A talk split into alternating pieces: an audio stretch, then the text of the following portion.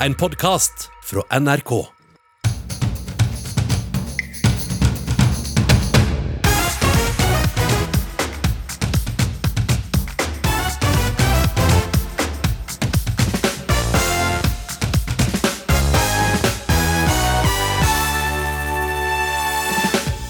Han har eh, sunget voggesanger for å roe ned de redde barna på flyet. Terje Vatterdal ble evakuert fra Afghanistan i natt, og kommer rett hit til ukeslutt. Rus og sex fulgte med livet som fotballproff. Jeg følte meg uovervinnelig, forteller tidligere brannspiller og utenlandsproff Klaus Lundekvam, som ikke er overrasket over brannskandalen. Du kan være rik i dag, men eh, ingen vet når det smeller økonomisk og fasaden revner, sier ufør alenemor, som advarer om at fallhøyden og skammen kan bli stor for mange. Velkommen til ukeslutt her i NRK P1, hvor vi også skal hente fram flørten igjen. Dramatiske scener har utspilt seg på flyplassen i Kabul denne uka, hvor folk er desperate etter å reise ut av landet etter at Taliban tok makta. Og i går sa utenriksminister Ine Eriksen Søreide at situasjonen forverret seg dramatisk. Terje Vatterdal, du kommer nå rett fra Gardermoen etter å ha blitt evakuert fra Afghanistan i natt, og du er altså landdirektør i Afghanistan-komiteen. Hvordan føles det å komme hjem nå? Nei, det er litt blandede følelser. Det er veldig deilig å være hjemme. Men det er også veldig trist å forlate over 1000 kollegaer på bakken i Afghanistan. Eh, men så vet jeg jo at jeg kommer til å komme tilbake, eh, og da forhåpentligvis i løpet av en tre til fire uker. Mm. Vi ser et bilde på nrk.no nå hvor en eh, norsk soldat sitter med en baby i armene om bord på det som skal være det flyet som du tok fra Kabul via Tiblisi og til Norge. Hva kan du fortelle om de som reiste med samme fly som deg? Uh, altså jeg satt jo eh, på andre siden av eh, flyet til denne, til denne norske soldaten. Og han hadde en liten baby i armene. Og jeg hadde en liten guttunge som var uh, litt over et år.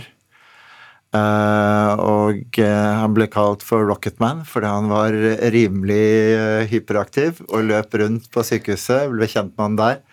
Fikk god kontakt, så jeg fikk ansvar for ham til Tiblisi. Og det var mye bråk om bord i flyet. så han våknet veldig ofte. Så jeg brukte hele natten på å uh, vugge ham og synge, synge, synge, for ham, så han skulle, skulle sovne igjen. Så jeg er litt sånn sliten i, sliten i, stemmen, men det var en fantastisk opplevelse å, å få lov til å hvert fall bidra til noe godt i denne guttens liv, fordi uh, det er klart han har, eh, selv om han er liten og kanskje ikke forstår alt, så er alle de menneskene som var nære og kjære rundt ham, de er foreløpig borte. Eh, og det må være utrolig tøft. Eh, mamma og pappa eh, er ikke der. Masse fremmede mennesker. Så, og det var flere av de barna om bord. Hvordan var det å, å forlate Afghanistan, nå? Man forlater jo et land som, som, har mye frykt, men som også har noe håp. Um, det er klart at Mange sier at man kan ikke stole på det Taliban sier, og det er kanskje riktig, men man kunne ikke nødvendigvis stole på det den forrige regjeringen sa heller. Så um, jeg syns det er viktig at vi forsøker å gi dem en sjanse, eh, og at vi da faktisk eh, går i dialog med dem for å sørge for at, den, at prisen for en form for fred, um, prisen for ro og orden, at det ikke blir at alle kvinners og barns og minoriteters rettigheter blir fjernet. Og det eneste måten vi kan unngå det på, det er å gå i dialog med, med Taliban. Så jeg håper at eh, det internasjonale diplomatiet kommer tilbake så fort som mulig. Jeg skal tilbake. Mange, mange særlig humanitære organisasjoner er fremdeles på plass. Våre 1000 ansatte jobber nå innenfor matsikkerhet, utdanning og helse. Har, akkurat i går fikk vi beskjed om at vi har fått nye avtaler i Faryab, og vi har hatt koordineringsmøter i Badakhshan og Ghazni-provinsen. Vi har et godt forhold med hatt med begge parter i Paktia, med helsefagskolene våre, der jenter, unge kvinner, går med tillatelse fra Taliban. Så jeg har håp. Eh, jeg er ikke nødvendigvis optimist, men jeg har et håp. Mm. Og så er det da viktig at det internasjonale samfunnet eh, At vi faktisk minner Taliban på hva de har sagt i Doha. Eh, så hvis de lyver, så er jo ikke det nødvendigvis en veldig islamsk verdi. Så da kan man kanskje minne de på det også. Så vi må holde de ansvarlige for det de faktisk gjør nå utover. Mm. Og så har du eh, forsøkt flere ganger denne uka å, å, å komme deg ut ja. Eh, fra Afghanistan, men det har, ikke, det har måttet avbryte? Ja, det fungerte på fjerde forsøket. Ja. ja. Hvorfor måtte du avbryte? Første gangen så Da var vi på vei ut til flyplassen. Vi ble stoppet først av et, eh, en Taliban veisperring. En veldig hyggelig ung gutt som smilte og var veldig grei. Så kom vi til en nummer to. De var eh, ikke like eh, smilende, men veldig høflige og ikke truende. Og mente at vi måtte ha en, en form for en tillatelse til å komme ut. Uh, og den fikk vi etter hvert tak i, men det var da så sent at da hadde vår, vårt vindu hadde lukket seg. Andre gangen, så det er vel den som har vært rapportert nå i nyhetene, så var det ganske forferdelige scener foran en tre meter høy jernport. Og til slutt så bare vi merket at vi kom til å risikere våre liv og andres liv ved å fortsette å være der, så vi trakk oss tilbake. Jeg var der sammen med en eh, norsk kvinne, en kollega av oss som er britisk-amerikansk, eh, og eh, tre afghansk-amerikanere. Eh, Deriblant en liten guttunge på to år eh, og en kvinne som var gravid. Eh, og det er klart, å få en gravid kvinne løfta over en tre meter høy jernport hvor det da sitter amerikanske soldater på toppen og flirer og hånler og ser utover dette havet av um, desperasjon. Det, var, eh, det, det, kunne vi ikke gjøre. Hun ville kunne ha abortert og kunne ha risikert livet. Mm. Så vi trakk oss tilbake. Tredje gangen så var det ja, i hvert fall 2000 mennesker som sto mellom oss og porten. Og vi kunne sikkert ha klart å presse oss igjennom på en høflig måte, ikke sant. Eh, men vi var de eneste utlendingene som var der. Alle afghanerne som var der. Det var mange barnefamilier, kvinner med små babyer i armene. De ville ha skjønt at vi var på en måte deres vei inn. Så hvis de holdt tak i oss, så ville de kanskje slippe gjennom den porten til det forjetrede landet. Men i den prosessen så kunne folk ha tatt skade. De kunne blitt trampet i hjel, som vi har hørt rapporter om. Og vi ville ikke, det var Nigel og jeg og en kollega, vi ville ikke at vår vei til frihet skulle skje på ryggen av andres liv og helse. I natt så gikk det ja. på fjerde forsøket. Takk for at du kom hit til eh, ukeslutt her i Vatterdal fra ja. Afghanistan-komiteen. Brann fotballklubb har hatt mye å håndtere i det siste. I går ble det klart at midtbanespiller Kristoffer Barmen og keeper Mikkel Andersen er ferdige i Brann. Spillerne drakk alkohol, brukte stadion som arena for nachspiel. De tok med seg syv gjester og brøt retningslinjene og alminnelige normer. Sunn fornuft og igjen gjeldende smittevernregler. Det er jo bare liksom mildt skuffet og og overrasket over at det er mulig. Og jeg bare tenker, det, er, det, er, det, er, det, ingen grenser for hvor mye denne klubben kan uh, få til av skandaler? Jeg syns det er veldig trist. Trist og negativt uh, for den enkelte og, og, for klubben, selvfølgelig. Hvordan går det an å oppføre seg sånn? Og studenthybler langs hele tribunen som ser inn på stadion. Hvordan tror de de slipper unna med noe sånt? Politiet i Bergen etterforsker i tillegg et mulig straffbart forhold som har skjedd under nachspielet. Vi har altså derfor valgt å gå til en oppsigelse av en av våre spillere, og gitt ti andre spillere en alvorlig skriftlig advarsel. Når man har gått så langt utenfor alt av moral, alt av regler, så måtte det få konsekvenser. Og for å komme videre, så var kanskje dette den eneste eh, fornuftige ting man kunne gjøre. Er Brann fortsatt Bergens eh, stolthet, eller har det blitt byens skam nå? Akkurat nå er det jo ikke så mye å være stolt over, men jeg, jeg tenker ikke at det er noe alternativ at det eh, ikke skal bli stolt igjen nå. Jeg tror jo at det, det, det retter seg nok.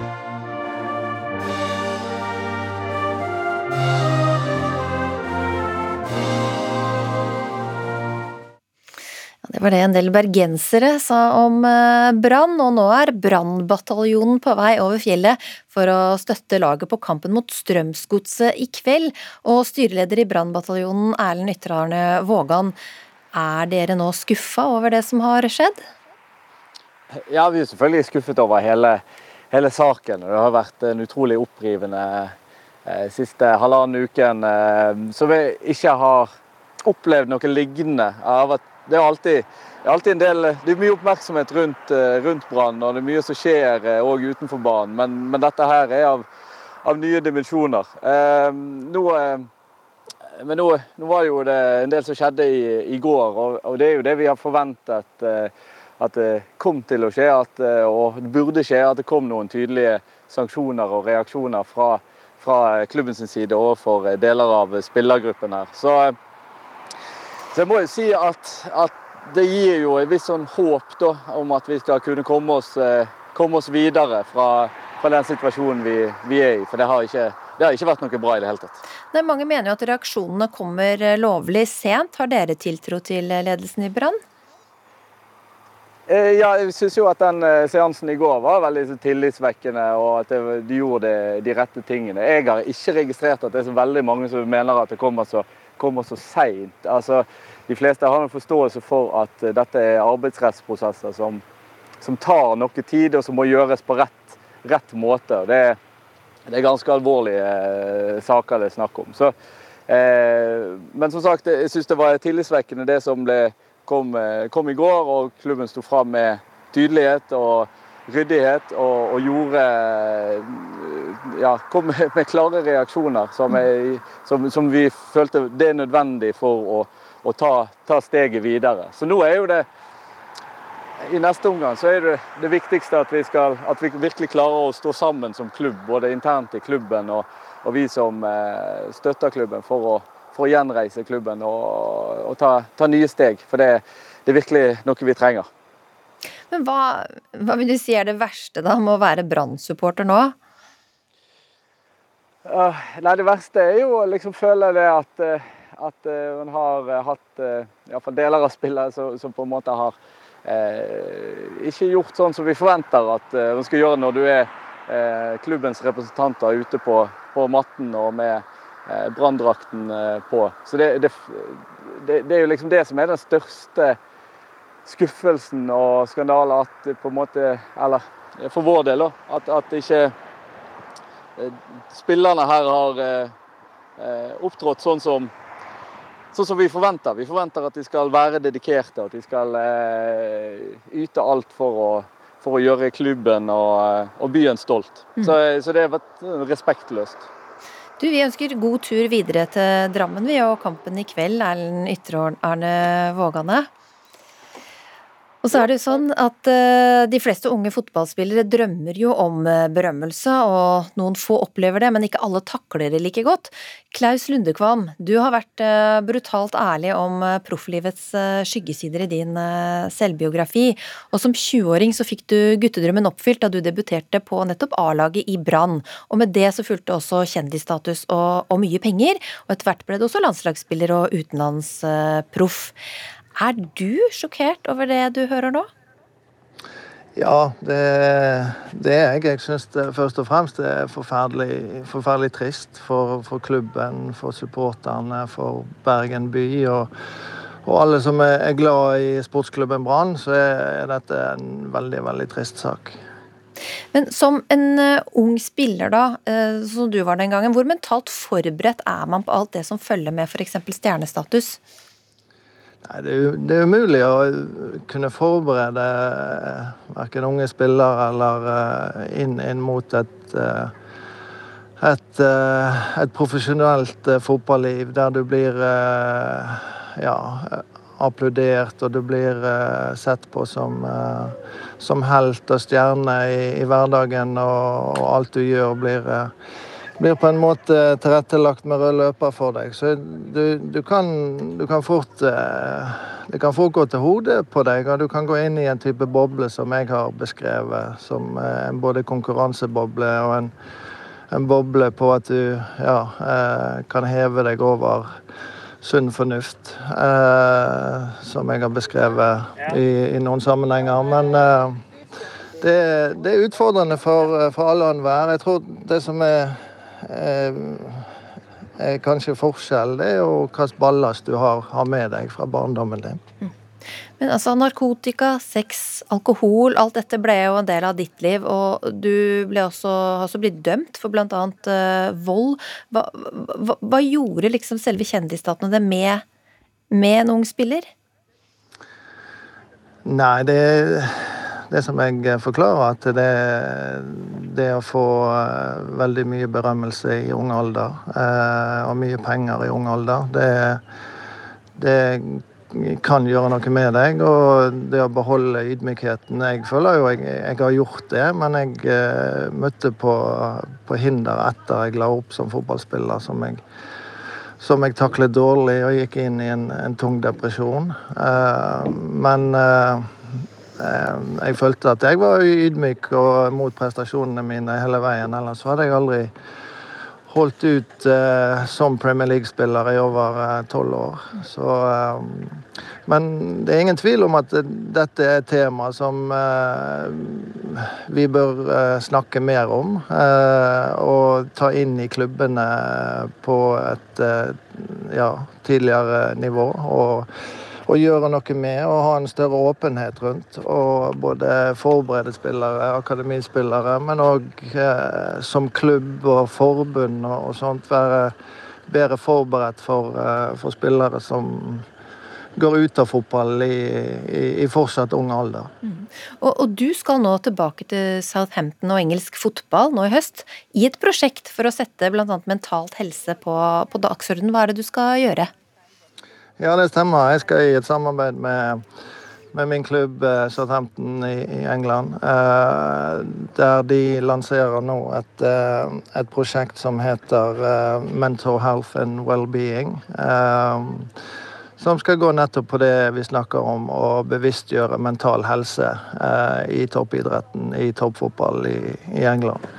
Og det er noe jeg er veldig, veldig Jeg syns det er utrolig ja, spennende. Dette har jo vært min jobb de siste seks årene. Jeg har jobbet i, i mental helse og rusomsorgen de, de siste årene. Og, og, eh, har en del ballast selvfølgelig med mitt eget liv. Og det å kunne være en stemme for, eh, for, min klubb i England inn mot et sånt prosjekt, det er helt fantastisk. For det, det ja, det, det som sagt gjennom åpenhet og, og ydmykhet vi kan, vi kan, hjelpe. Og kan vi skape en takhøyde i, i klubbene om at det, det, er lov å komme og snakke om eh, mental helse, så, så, vil det være en, til en stor fordel for, eh, for alle klubbene. Vi ønsker deg lykke til med, med den jobben, Klaus Lundekvam, og takk for at du var med i, i Ukeslutt eh, i dag. Nå skal vi til kveldens store begivenhet, nemlig Amandaprisen.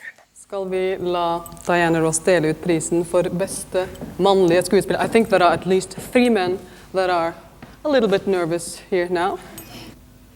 And the winner is Oh God, it didn't rip. Oh yeah, the guy I can't pronounce his name, Niels Ulla Oftenberg. Ja, det var stort da superstjerna Diana Ross delte ut prisen for beste mannlige hovedrolle under Amandaprisen i 1986. Nå hevder norsk film seg, bl.a. i Cannes, men altså det er på hjemmebane i kveld at uh, norsk film skal hedres når Amandaprisen deles ut. Og Mona B. Riise, du leder eh, TV-programmet Amandafesten i kveld.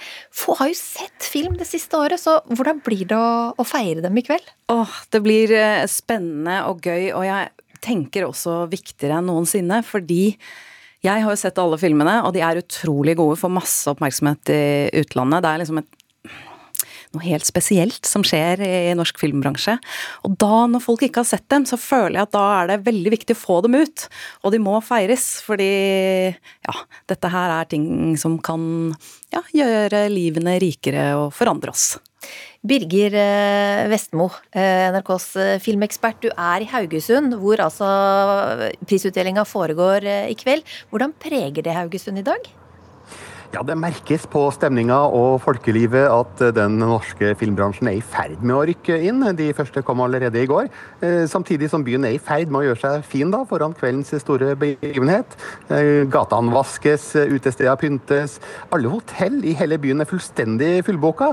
Og så er det hektisk aktivitet i byens eh, storstue, festiviteten, der utdelinga altså skal foregå i kveld. Vi må jo spørre deg, da. Hvilke, hvilke filmer mener du fortjener priser i kveld? Ja, det er mange. For som Mona sa, kvaliteten på de nominerte er høy i år. Eh, så her må jeg jo spesielt nevne de to som jeg sjøl har anmeldt til terningkast seks det siste året. Nemlig dokumentarfilmene 'Gunda' og 'Kunstneren og tyven'. Den første er en helt spesiell grisefilm som viser livet til Pyrka Gunda og hennes nye kull, sett fra deres eget perspektiv. Eh, 'Kunstneren og tyven' er en utrolig rørende historie om kunstneren Barbara Kysylkova, som ble en nær venn av Carl Bertin Nordland. som hadde stjålet to av hennes eh, malerier.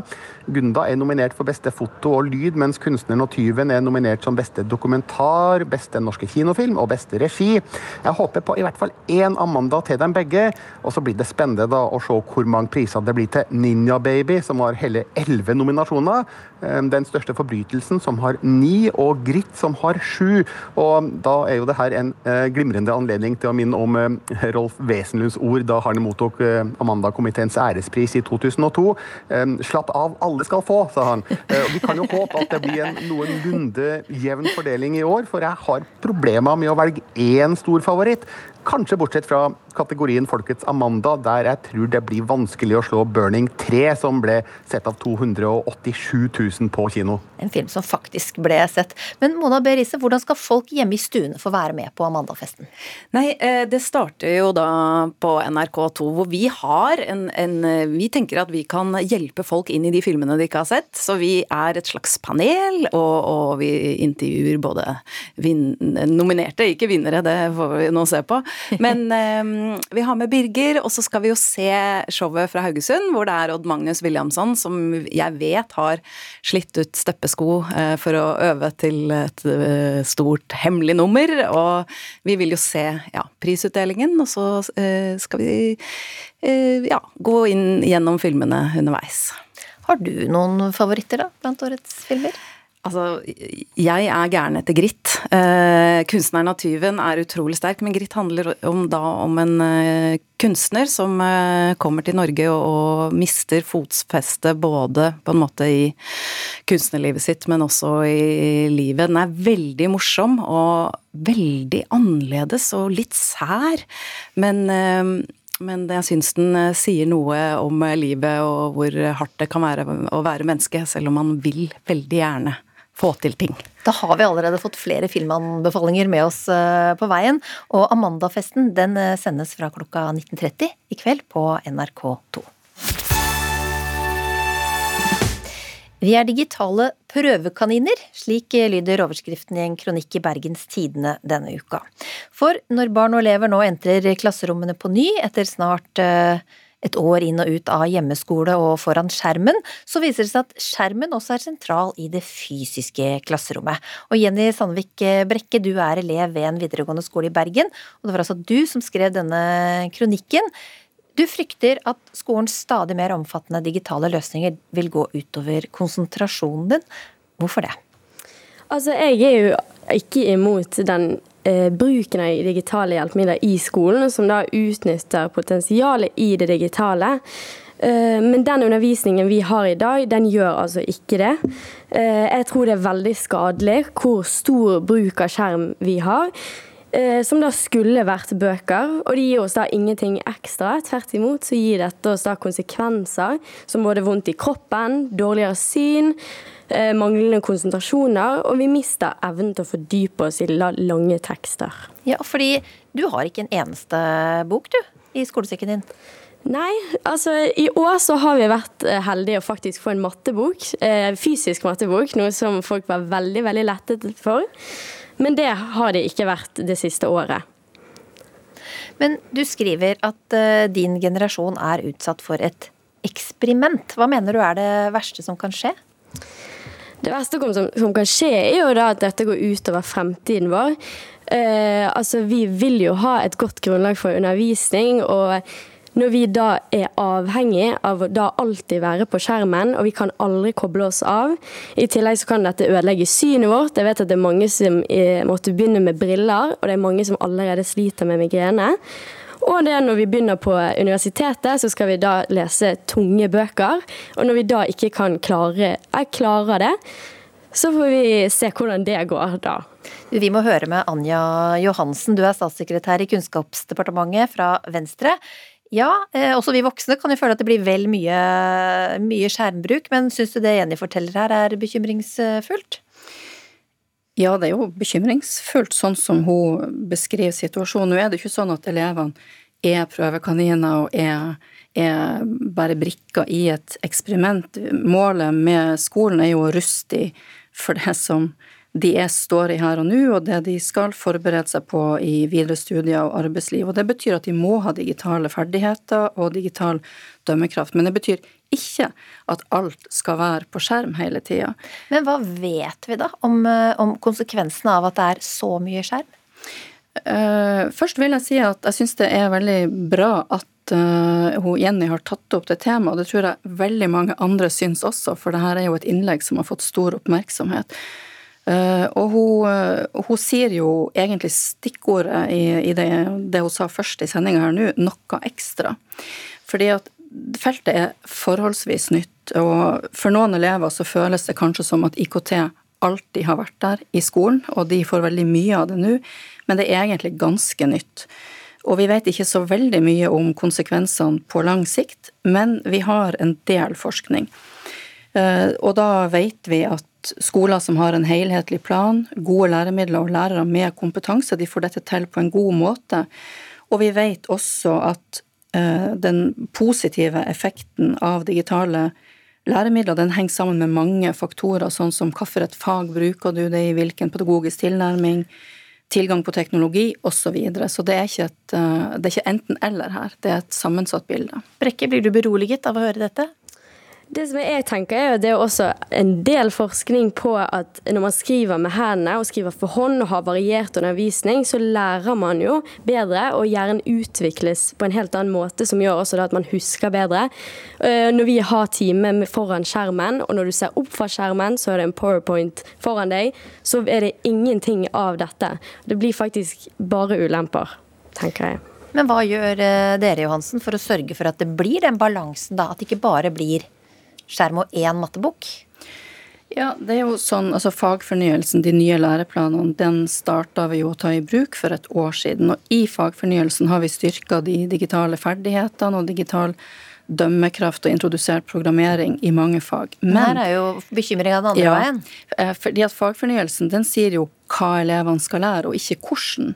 Eh, og metodevalget er det jo opp til det pedagogiske skjønnet å vurdere. Hun Jenny påpeker jo nå igjen eh, noe vi vet, og som er veldig viktig å ha med seg, at når vi leser på skjerm, da skummer vi mer, vi scroller, vi klikker på lenker, og det er mange visuelle element, og det er lett å bli forstyrra. Dette gjelder jo ikke bare elever. Sånn vet jo alle vi voksne at det kan være å sitte med en, en skjerm i hånda. Men hvorfor, hvorfor prøver vi såpass mye digital undervisning da, når vi egentlig ikke vet hva det fører til? Jeg tror det handler om å finne den gode balansen her. Eh, og som sagt, men, dere, er... men vi vet jo ikke. Hvorfor, hvorfor, hvorfor prøver vi det i så stor grad? Ja, eh, Det er nok forskjellig ute i skolene i hvor stor grad det, det prøves ut. Det vi, vi, kan si, det er nok at pandemien har gitt oss en økt bevissthet.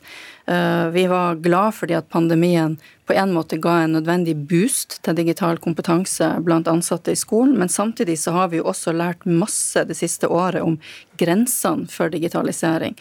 at det er mange læringssituasjoner som krever fysisk tilstedeværelse. Og som hun Jenny sjøl sier, så for å, å, gjøre dybdelesing og for å forstå bedre det vi leser, da vet vi nå at det er bedre å lese på papir. Men skal... Vil du fraråde skoler, da, sånn som Jenny sin skole, å droppe alle fysiske bøker? Nei, jeg vil ikke verken anbefale eller fraråde, for det er den vanskelige, gode balansen vi skal finne. Vi vet f.eks. at interaksjon fremmes gjennom bruk av digitale hjelpemidler, og der har vi positive funn i matematikk og i fremmedspråk. Men skal du lese en lang tekst og virkelig fordype deg i den, da må du kanskje gjøre det på en annen måte. Så vi trenger begge deler. Sandvik Bregge, du, du, du, slipper nå i hvert fall å bære på en masse bøker med, med hjem. Da. Er, det, er det positive ting å hente med, med alle disse digitale løsningene? Ja, jeg tenker jo selvsagt det er både enten eller ulemper og fordeler med mange ting. Eh, så er det ja, det at eh, skolesekken blir lettere, og at du alltid har egentlig en bok tilgjengelig da, på PC-skjermen din. Um, men samtidig så er det jo Dette her føles jo veldig, veldig korttenkt. Det føles jo ut som politikerne, og de har jo også valgt dette en, som en billigst, uh, på bekostning av oss og vår mulighet til å lære. Til tross fra da av tydelige faglige råd, som de gjorde med matteeksamen. Og det er jo masse forskning som utstøtter sånn mine opplevelser og mine Og jeg opplever da at våre framtidsmuligheter da blir spilt med, selv om det kanskje ikke er meningen. For mange av oss er jo altså dette med konsentrasjonsevne at det kan bli ødelagt for alltid. Og vi lever jo tross alt i et kunnskapssamfunn. Eh, og dette er da veldig dramatisk for min generasjon. Kort Anja Johansen, gambler dere med de unges fremtid her? Nei, det er, ikke, det er, ikke, gambling. Det er et forholdsvis nytt felt. Vi begynner å få mer kunnskap, og vi ser at det er et spørsmål om en sunn balanse her. Og det er jo den vi må finne. Tusen takk, Jenny Sandvik Brekke, elev ved en videregående skole i Bergen, og Anna Johansen, statssekretær i Kunnskapsdepartementet. I dag skal en ny verdensmester i dødsing kåres, og det skjer på Filipstadkaia i Oslo fra klokka 16. Og reporter Iris Andradottir, du er allerede på plass, men hva er det egentlig som skal eh, skje? Du, her skinner sola, og det er allerede masse spenning i lufta. Arrangørene har lovt at det skal bli hardt, vått og spektakulært. Dødsing er jo en stupestil som ble utviklet på 1960-tallet ved Frognerbadet. Og for de av oss som ikke helt vet hva greia er, det er altså det at stupetårnet er 12,5 meter eh, over bakken i dag. Og her skal utøverne stupe utfor i en slags X-formasjon. Eh, til de til slutt eh, går sammen i en rekeformasjon før de treffer vannet. Og Pål Rigaud, du er styreleder i Det internasjonale dødseforbundet. Dette er altså et verdensmesterskap. Men hvor mange nasjonaliteter er det egentlig som er representert her nå? I dag så har vi hatt eh, litt utfordringer da, pga. Eh, korona. Så vi har mange som står på grensen og banker på døra. Men eh, det er finner, spanjoler, dansker og svensker som stiller i dag. Men vi er jo representert i 26 nasjoner, så dette har blitt en folkeidrett. altså. Det er altså 26 nasjoner som deltar, ikke i dag, men til vanlig i dødsing. Hvor mange er dere forventer møter opp i publikum i dag? Nei, I dag har vi en helt strålende dag. jeg mener, For en energi. 5000 mennesker forventer vi på hele rekka her. Og så har vi nesten 2000 betalende gjester her. Så i dag så blir det fest. Men du, for oss utenforstående så kan jo det her virke som en ren guttesport. Stemmer det? Nei, langt ifra. Damene har begynt å ta over gutta nå. Det er eh, seks eh, tøffe damer som kommer til å stå på 12,5-meteren i dag. Og der snakker vi et nivå som er helt utrolig. De har rett og slett eh, gitt gass. Og Truls Torp, du er altså eh, dødsfavoritt her i dag. En av tre storfavoritter til å vinne dagens konkurranse. Eh, hvordan er spenninga hos deg? Alltid litt stressa før, uh, før, VM i døds. Det er liksom det største for oss dødsere. Punktumet for sommeren. Vi, vi jobber hardt for det her og skal gjøre publikum bløte i dag. Eh, og vi er så heldige at senere i sendinga så får vi med oss en av utøverne til å stupe for oss og demonstrere hva dødsing egentlig er. Og det er vi veldig spente for. Ja, det skal vi komme tilbake til seinere i sendinga. Vi skal tilbake til situasjonen i Afghanistan. Uh, women will be afforded all their rights uh, whether it is in work or other activities, because women are a key part of society. And uh, we are guaranteeing all their rights within the limits of Islam. Kvinner er viktige og skal få sine rettigheter enten det gjelder jobb eller andre aktiviteter, så lenge det er innenfor islamsk lov. Det var altså budskapet fra Talibans talsmann. Og mange spør seg hva det egentlig betyr. Betyr det at all innsats fra norske soldater er bortkasta, og at afghanerne nå får Talibans strenge sharia-regime, hvor kvinner blir nektet å jobbe eller utdanne seg? Reporter Kristine Grønstad Alstad møtte afghanske Memla Rasuli, som frykter nettopp det. Vi så CNN la ut noen bilder av eh, Kabul, eh, som skulle vært det mest moderne av alle stedene i Afghanistan. Og det var ingen tegn til kvinner i Kabul. Ingen tegn. Memla Rasuli følger nøye med på det som skjer i hjemlandet Afghanistan. På kort tid har Taliban tatt over by etter by i landet, og befolkninga vet ikke hva framtida vil bringe. Jeg har en tante som er eh, lærer. Hun kan jo da ikke jobbe som lærer lenger. Så hun måtte ta farvel med alle studentene sine. Afghanere har strømmet til flyplassene og ut på rullebanen i desperasjon om å komme seg ut av landet. Flere har dødd fordi de klamrer seg til fly som letter. Andre døde av trengselen på flyplassen. I likhet med disse tror ikke Memla Rasuli at Afghanistan nå er et bra sted å være. Særlig for kvinner. Istedenfor å gå med en burka, så skal de få lov til å gå med nikab. Jeg ser ikke helt forskjellen. Du, ja, ja, hva er forskjellen, egentlig? Du, er, du, har dekket til ansiktet ditt totalt i, i begge deler. Så uh, noe forskjell er det ikke der. Memla Rasuli er 24 år gammel og kom til Norge da hun var ni år. Hun sitter på en benk på Universitetet i Oslo, hvor hun studerer juss. Da hun ble født i Afghanistan, hadde også Taliban makta. Og selv om Taliban nå har uttalt at de ikke skal hevne seg på folk, opplyser både FN og kusina til Memla Rasuli at det er nettopp det de gjør nå.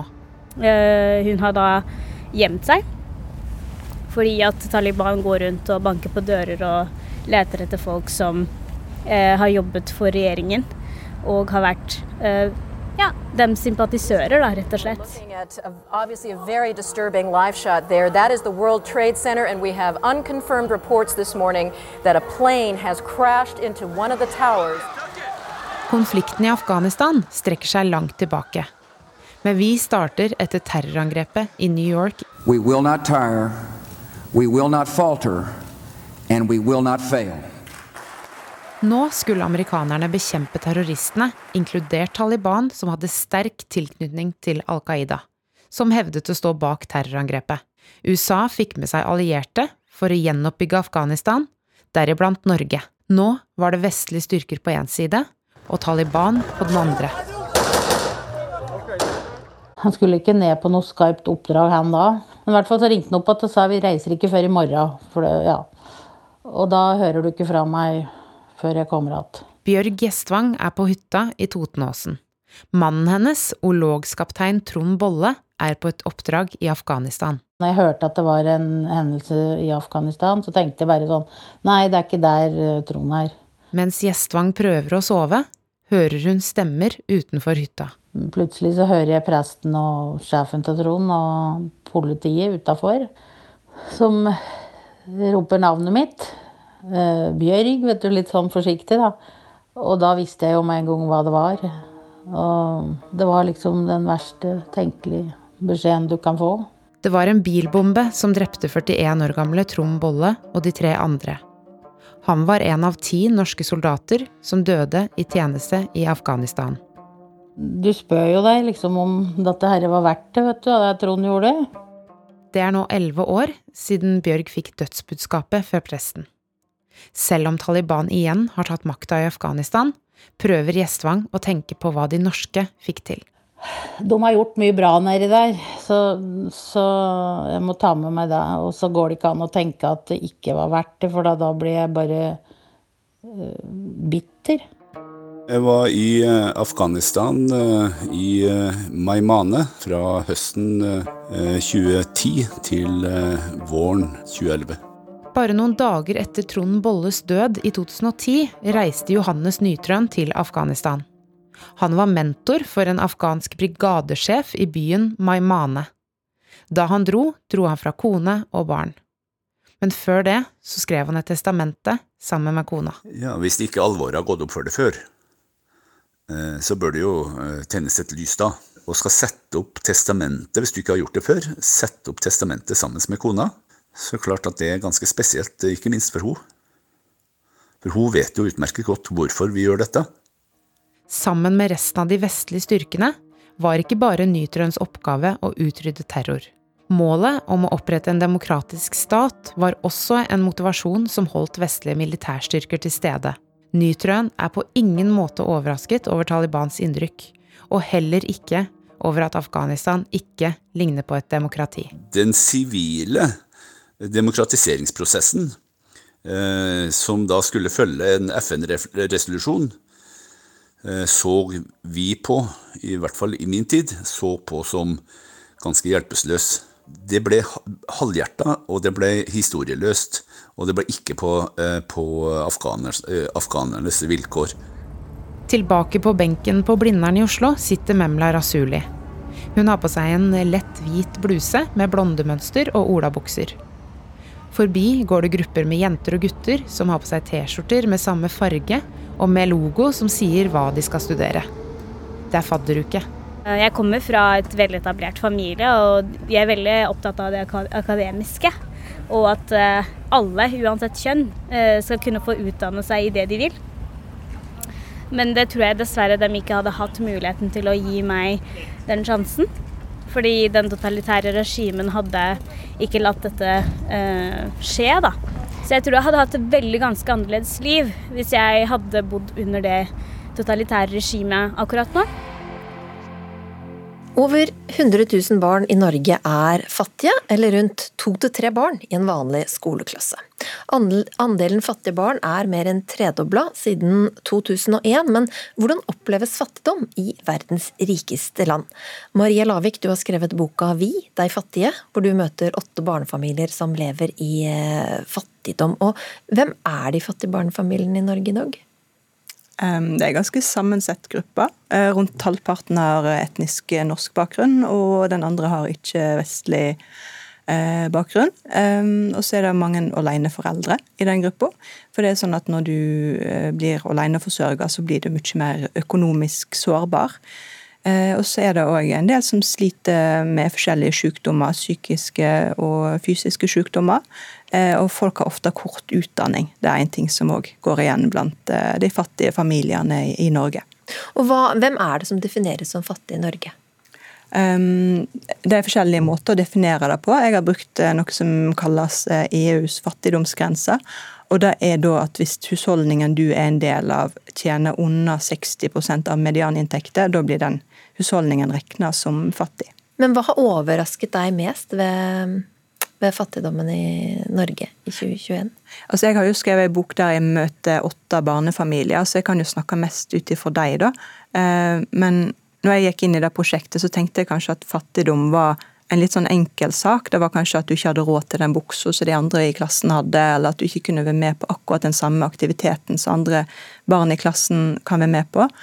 Eh, men det jeg merka med de familiene som jeg intervjuer, at veldig mange av de lever med veldig konstant stress både voksne og barn. Eh, barna skammer seg ofte og prøver å late som at alt går fint. De spør ikke alltid foreldrene om ting som de trenger. Og foreldrene er ofte veldig urolige for om de har råd til å betale husleia neste måned, og om de kan bo der de bor. Så det skaper et veldig sånn eksistensielt stress som går opp i hovene til mange som er fattige, og, og kan gjøre skade der. Mhm. Og en av de åtte skjebnene som du har skrevet i boka, det er deg, Eva, på 45 år og alenemor til to døtre på en på 9 og en på snart 25. Du er blitt en stemme for de stemmeløse og gitt fattige et ansikt på Facebook-gruppa Gi eller få hjelp for eh, vanskeligstilte i, i Grenland. Hva var veien inn i fattigdom for, for deg? Eh, det var egentlig sykdom. Eh, jeg ble, jeg ble nok syk eh, i sent tenår, tenåra, men fikk ikke noen diagnose før jeg var 30. Da, da hadde jeg jo studert, hadde vært alenemor i ti år og prøvd å ta meg en utdannelse og alt, men ble ikke helt tatt på alvor i helsevesenet. Så det, det starta jo egentlig når jeg ble alenemor som 20-åring. Mm. ja. Og så er du opptatt av at alle må ta høyde for at de en gang kan få økonomiske problemer og, og oppleve fattigdom. Hvorfor er det viktig? Jo, fordi at det, det, her kan ramme hvem som helst. Eh, så lenge du selvfølgelig ikke sitter med en stor formue i, i bakhånd eller noe sånt. Men eh, eh det skal Et samlivsbrudd kan være nok. Eh, sykdom eller skade, eh, det er vi aldri forsikra mot. Eh, det kan, det kan ramme alle. Så, så jeg er litt opptatt av å få opp øynene litt til folk om å ikke minst få bort en del av den stigmatiseringa om at det finnes ikke fattige i Norge. Mm. Men hvordan opplever du fattigdommen da i hverdagen? Altså Nå så, så, så, har jeg det ganske greit. Eh, nå jeg, jeg lever fortsatt under eh, fattigdomsgrensa sånn sett, men du blir ganske kreativ eh, som fattig, eh, og, og, det blir en vane. Eh, så du må bare bruke mer tid, du må planlegge mer, du må være litt mer kreativ i, i, i måten du skaffer ting på. Eh, I forhold til at eh, alt kan ikke kjøpes nytt og, og, og dyrt. Og så, så, så, så det, det, blir det. Men det har vært mange tunge stunder opp gjennom årene. Det har det vært. Ja, Hva er det du ikke kan gjøre, f.eks.? Altså, det å, å reise på utenlandsferie og sånne ting, det, det, krever mye planlegging, og det krever lang tid hvis man skal bevilge seg noe sånt. For uh, det er ikke så mye å spare av. Um, så, så, det er klart det at eh, Nå har jo hun eldste forlatt redet eh, og skal stå på egne bein, men hun yngste, det er klart det, det, det, merkes jo, og det er jo mye som koster penger. Kino, badeparker, forskjellige ting. og det det er sånne ting som ikke man kan bevilge seg så veldig veldig ofte. Eh, det er ikke noe man kan ta på sparket, som regel ikke. Mm. Mm. Og sånne ting som å gå til tannlege, f.eks.? Nei, det er bare å glemme. det, det, er ikke noe jeg kan bevilge meg. Eh, jeg må de gangene jeg har vært til tannlege de siste 15 årene, så er det fordi at jeg har hatt forferdelig tannverk. Hvordan opplever du da at fattige blir sett på av resten av samfunnet? Eh, jeg syns jo jeg synes det, er mye, eh, det har vært mye stigmatisering. Jeg syns jeg ser det holder på å forandre seg litt nå. At, eh, at, folk begynner å åpne øynene sine litt mer om at oi, det her kan jo faktisk skje meg. Men jeg syns det er mye stigmatisering og mye misinformasjon ut i samfunnet omkring det å være fattig. At man da på en måte er litt mindre verdt da, som menneske. Og det syns jo ikke jeg folk er. Jeg syns ikke folk skal måles i penger. Men hvorfor valgte du å åpne det? Om at du er fattig? Uh, nei, jeg valgte rett og slett for jeg tenkte at det her er viktig. Uh, og jeg har egentlig ingenting å ta på det. Uh, og jeg var Jeg hadde skamma meg, skamma meg jeg også i veldig mange år. og, og prøvd å, å holde det her skjult og, og skulle leve som alle andre. Men så kom jeg til et punkt der jeg ble mer voksen og mer trygg på meg selv. Og da bestemte jeg meg for det at, eh, at jeg skulle prøve å være en stemme. Mm. Og, og, vise ansikt. Mm. Hva har det betydd for deg å være åpen?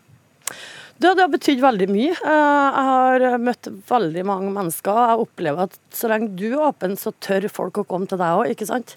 Så lenge du ikke møter folk med en pekefinger i ansiktet og, og masse, masse, fordommer, så, så, så, så tør folk å, å, fortelle om sin fortvilelse da, og sitt liv. Vi har også med dattera di Sara. Og mm. Sara, du bestemte deg tidlig for at uh, du skulle ikke la uh, fattigdommen gå, gå i arv. Hvordan har utdanning vært en drivkraft for deg? Uh, nei, jeg har jo sett hvor viktig det er å ha papirer å vise til og en, si, en slags plan B å følge tilbake til. Da. jeg vet at livet kan ta mange vendinger, sånn som det har gjort i mamma sitt tilfelle.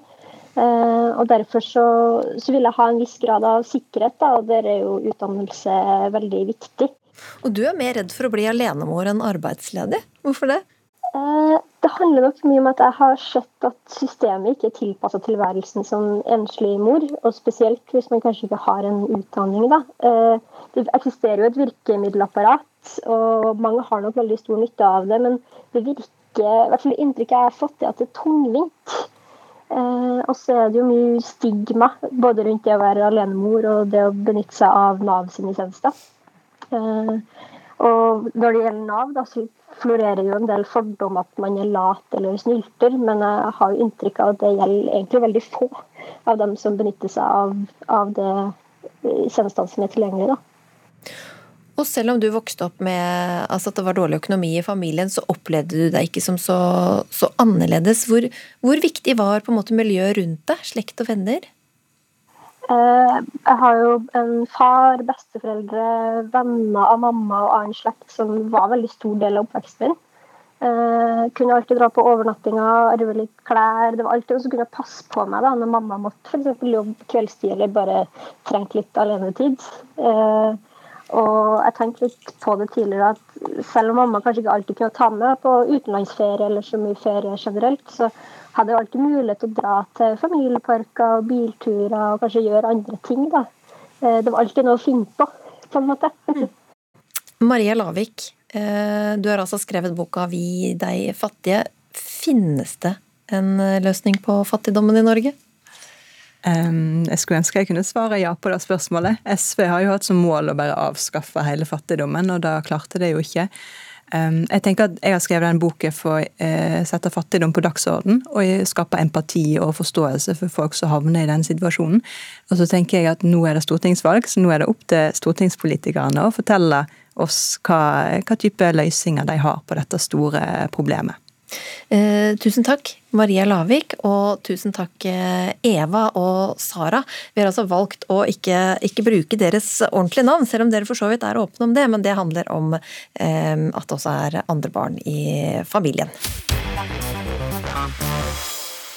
Det er altså VM i døds i dag, og utøverne begynner å samle seg på Filipstadkaia i Oslo. Reporter Iris Andradottir, er de klare og forberedte på harde sammenstøt med vannflata? Du, Spenningen her er til å ta og føle på. De aller fleste deltakerne jeg har snakka med, er eh, ganske nervøse, men mest av alt så er de spente. Eh, jeg står faktisk her sammen med én av fem dommere i dag. Han heter Hans Jørgen Wist eh, og skal dømme i kveld. Hvordan er det man egentlig dømmer dødsing?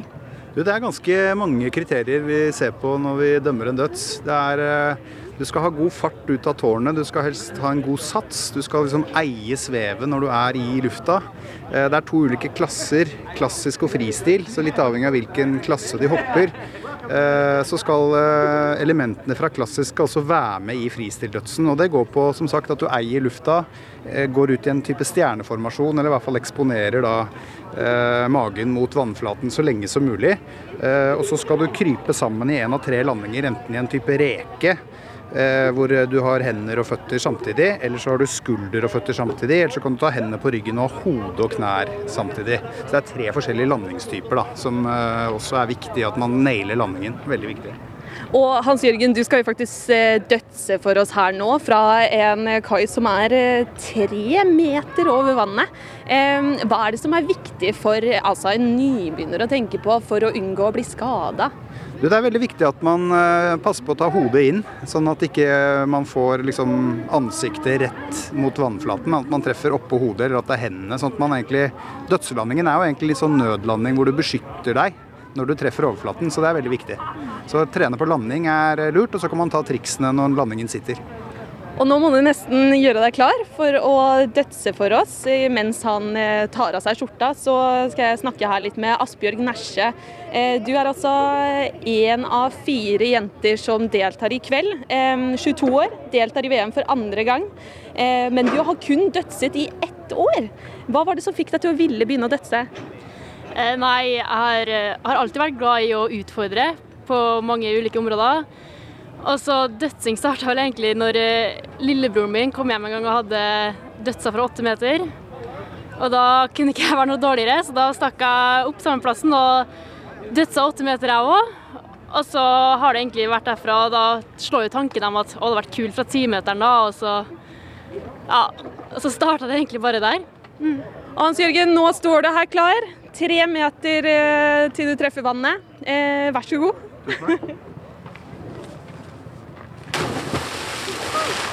Ja, det var da nærmest et mageplask, men jeg tror ikke han skada seg noe særlig her.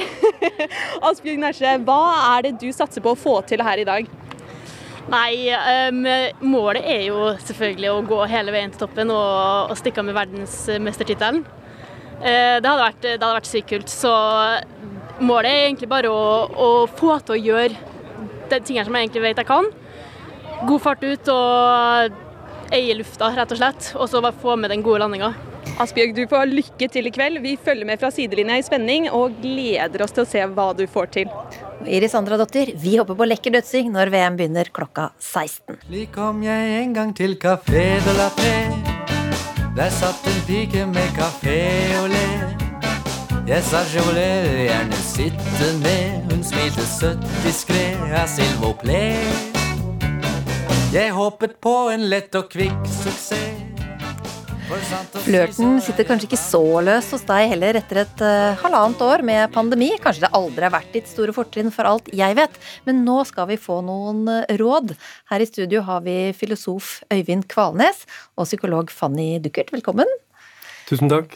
Dere har nå tatt uh, flørten og kontaktsøkinga på alvor gjennom boka Flørt. Så la oss begynne med det mest elementære, Øyvind. Hva er flørting? Flørting, det er å se, si til den andre at 'jeg ser deg, og jeg liker det jeg ser'. Og det er noe som mennesker holder på med helt fra de er bitte små til de går i grava. Så vi har studert flørting gjennom et helt livsløp og se hvordan foregår det, hvordan bør man gå fram for å flørte på en fin måte, og, og lært mye spennende underveis selv også. Fanny Duckert, hvorfor er flørting så viktig for folk? Altså, dette tilhører noe av det mest sånn fundamentale for oss mennesker. Altså, vi har det med oss fra vi blir født. Og vi må huske på at det er faktisk en overlevelsesstrategi. Altså, hvis vi tenker på bitte små babyer, totalt hjelpeløse. De trenger at voksne rundt kommer løpende og redder dem og holder liv i dem. Og babyen har to typer verktøy. Det ene er skriket, som er alarmutløsende og veldig ubehagelig, så alle voksne som hører det, kommer styrtende til for å få det stoppet. Og det er viktig, men problemet er at små babyer de trenger noe annet òg. De trenger å bli kost, holdt, strøket. Det er viktig både for at de skal utvikle seg. Faktisk, babyer som ikke får fysisk kontakt, de svinner hen og kan til og med dø. Og, men hvordan få til det? For ingen har lyst til å kose med en skrikende baby. Så derfor har babyen ett sett verktøy til, og det er flørten. Så selv en bitte liten baby kan det der, med det intense blikket, få kontakt. Smil, nedslått blikk, opp, smil og spør enhver nybakt foreldre når er du forelsker deg i babyen din. Mm. Første smilet. Mm. Så dette er helt fundamentalt. Vi har det med oss, og det ligger som en sånn understrøm i menneskelivet så lenge vi lever. Øyvind, har vi virkelig glemt dette her nå, da, på halvannet år? Vi har uh, vært ganske isolert fra hverandre, så vi har kommet ut av treningen, tror jeg. Sånn at uh, for mange så blir det om å gjøre å få liv i flørtemusklene igjen. Eh, og bli vant til hvordan det er å møte eh, kollegaer og eh, andre mennesker tett på. Ikke bare gjennom en skjerm. Nettopp. Mm. Og jeg tror det er enormt vanskelig å, flørte gjennom en skjerm. fordi at du får ikke blikkontakt, og du får ikke sett nyansene i ansiktet til den andre. Da. Kan det læres? Her snakker vi nesten om en muskel som kan trenes opp. Altså, nå har vi jo store variasjoner i, med oss fra naturens side og personlig erfaring, men sånn basically så har vi alle potensial til å, bli bedre flørtere. Du har jo holdt kurs i, i flørting, og et av disse kursene var for tidligere rusmisbrukere. Hvordan ble det tatt imot?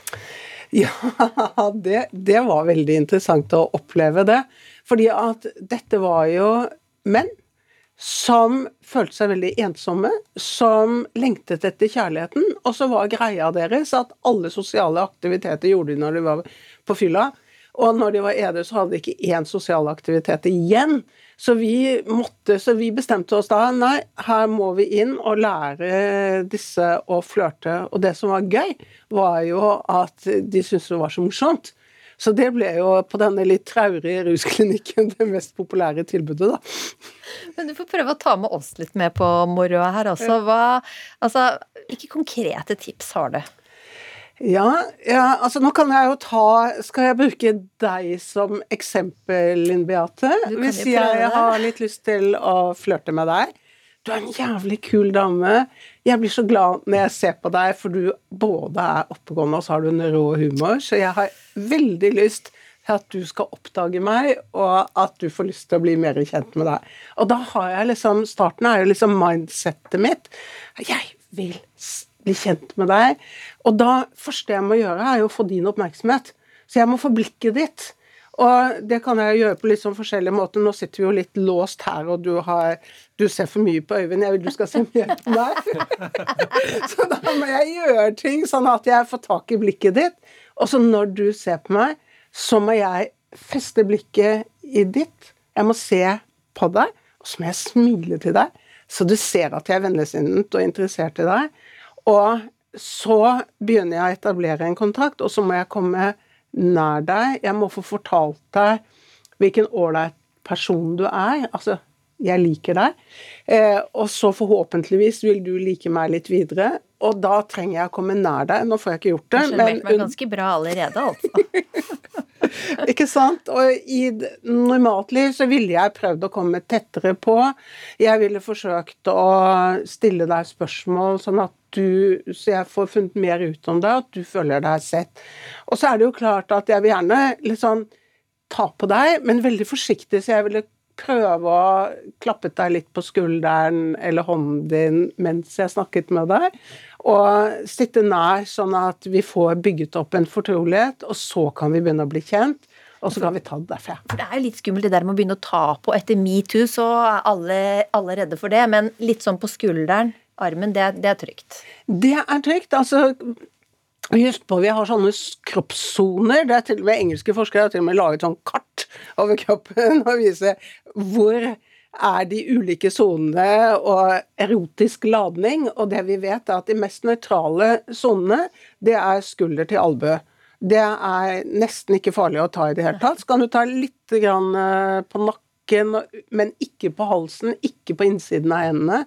Og så er, det, er vi veldig sånn forskjellige i forhold til å kjenne at det er ålreit at folk tar på oss. Og jo mer vi kjenner, jo mer åpner vi kroppen for at andre kan ta på den. Jo mindre vi kjenner, hvor mer usikre er, jo mer lukker vi kroppen igjen. Øyvind Kvalnes, altså mange tenker kanskje altså når man når en viss alder at det som nei, flørting det er jeg ferdig med. Men eh, hva vil du si om en sånn innstilling? Ja, Fanny og jeg har jobbet med dette temaet i et, noen år nå. og den gruppen hvor vi ser størst interesse og intensitet rundt flørting, det er faktisk eh, hos eldre.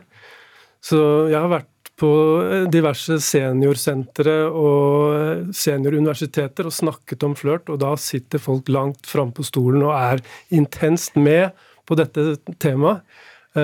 Så, så det engasjerer kraftig i den eldre delen av befolkningen. Eh, og jeg kan forstå det, at det handler om en del av det å være menneske som de ønsker å bevare, og som, de, eh, som gir glede, som gir eh, overskudd. Og høydepunktet på dagen kan være de to minuttene du flørter med en pleier eller en eller annen person som er på besøk. Så, så eh, veldig intens interesse for dette blant, blant den eldste delen av befolkningen. Hva vil dere kort si folk sliter mest med da, når det gjelder flørting? Altså, når, når, du får denne oppskriften fra Fanny på hvordan du skal gå fram for å flørte, så er det også viktig at du er åpen for signalene om at du nå går du over streken. Eller du skal gi den andre muligheten til å si høflig nei. Jeg ønsker ikke å gå videre.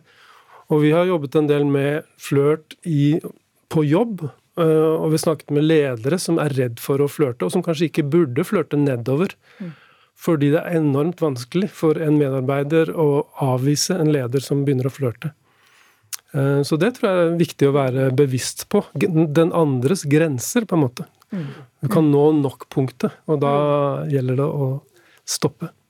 Da sier vi at det er bare å kaste seg ut i flørten, folkens. Kanskje ikke sjefer nedover, men alle andre. Og takk for at dere var med i Ukeslutt, Flørtens fanebærere, filosof Øyvind Kvalnes og psykolog Fanny Duckert. Sier vi takk for at du hørte på Ukeslutt eh, i dag. Ansvarlig for sendinga var eh, Kari Li.